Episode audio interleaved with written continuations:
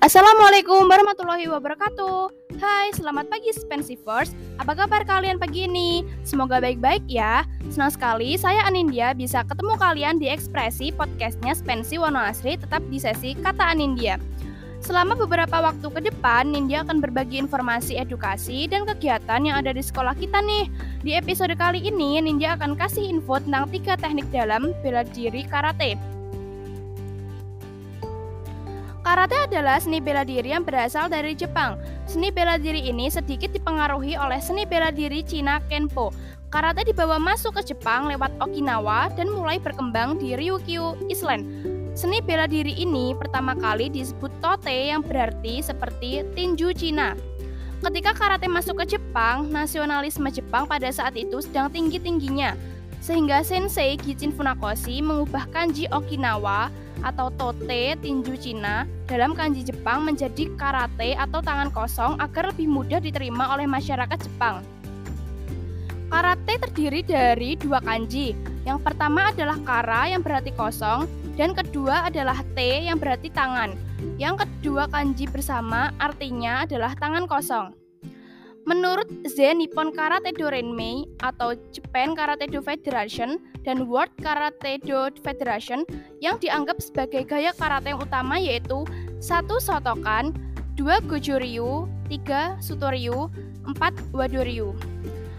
Keempat aliran tersebut diakui sebagai gaya karate utama karena turut serta dalam pembentukan JKF dan WKF. Namun, gaya karate yang terkemuka di dunia bukan hanya empat gaya di atas itu saja. Beberapa aliran besar seperti Kyokushin, Sorin-ryu, dan Ochi-ryu tersebar luas ke berbagai negara di dunia dan dikenal sebagai aliran karate yang termancur, walaupun tidak termasuk dalam empat besar WKF. Di negara Jepang, organisasi mewadahi olahraga karate seluruh Jepang adalah JKV, Adapun organisasi mewadahi karate seluruh dunia adalah WKF. Dulu dikenal dengan nama WUKO, World Union of Karate Do Organization. Ada pula ITKF, International Traditional Karate Federation, yang mewadahi karate tradisional. Adapun fungsi dari JKF dan WKF adalah terutama untuk meneguhkan karate yang bersifat tanpa kontak langsung. Berbeda dengan aliran Kyokushin atau Daidojoku yang kontak langsung. Latihan dasar atau teknik karate terbagi tiga seperti berikut. Satu kihon, dua kata yaitu latihan jurus atau bunga karate, tiga komite yaitu latihan tanding atau sparring.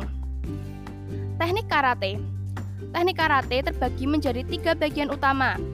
Satu kihon atau teknik dasar, dua jurus, dua kata atau jurus, dan komite pertarungan. Murid tingkat lanjut juga diajarkan untuk menggunakan senjata seperti tongkat dan ruyung. Satu Kihon Kihon secara harfiah berarti dasar atau fondasi. Praktisi karate harus menguasai Kihon dengan baik sebelum mempelajari kata dan komite. Pelatihan Kihon dimulai dari mempelajari pukulan dan tendangan untuk sabuk putih dan bantingan untuk sabuk coklat. Pada tahap dan sabuk hitam, siswa dianggap sudah menguasai seluruh kihon dengan baik. Dua kata. Kata secara harfiah berarti bentuk atau pola. Kata dalam karate tidak hanya merupakan latihan fisik atau aerobik saja, tapi juga mengandung pelajaran tentang prinsip bertarung.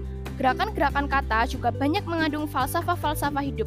Setiap kata memiliki ritme gerakan dan pernapasan yang berbeda. Dalam kata ada yang dinamakan bunkai, Bunkai adalah aplikasi yang dapat digunakan dari gerakan-gerakan dasar kata. Setiap aliran memiliki perbedaan gerak dan nama yang berbeda untuk tiap kata. Sebagai contoh, kata teki di aliran sotokan dikenal dengan nama naihanchi di aliran sutoryo.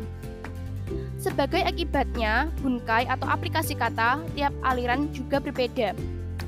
Yang terakhir adalah komite.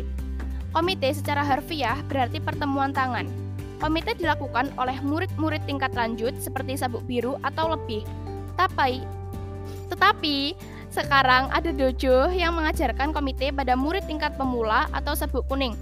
Sebelum melakukan komite bebas atau Ju komite, praktisi mempelajari komite yang diatur atau Gohon komite atau Yakusoku komite. Untuk komite aliran olahraga, lebih dikenal dengan komite siai atau komite pertandingan. Untuk aliran sotokan di Jepang, komite hanya dilakukan oleh siswa yang sudah mencapai tingkat dan atau sabuk hitam. Praktisi diharuskan untuk dapat menjaga pukulannya supaya tidak mencederai kawan bertanding.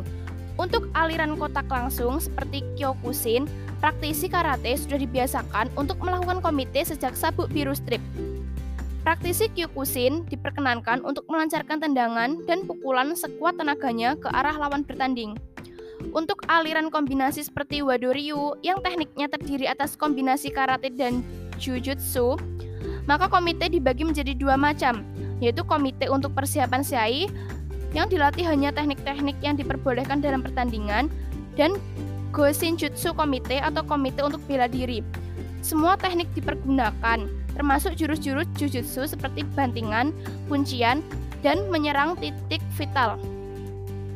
Oh ya, yes, Spensivers, sepertinya udah nggak kerasa nih waktu Anindya udah habis di episode kali ini. Makasih banget buat kamu yang udah dengerin Anindya. Tetap stay tune terus di ekspresi sesi kata Anindya ya. Nindya pamit, selamat pagi semua, selamat beraktivitas, tetap semangat belajar, dan selalu jaga kesehatan. Terima kasih. Wassalamualaikum warahmatullahi wabarakatuh.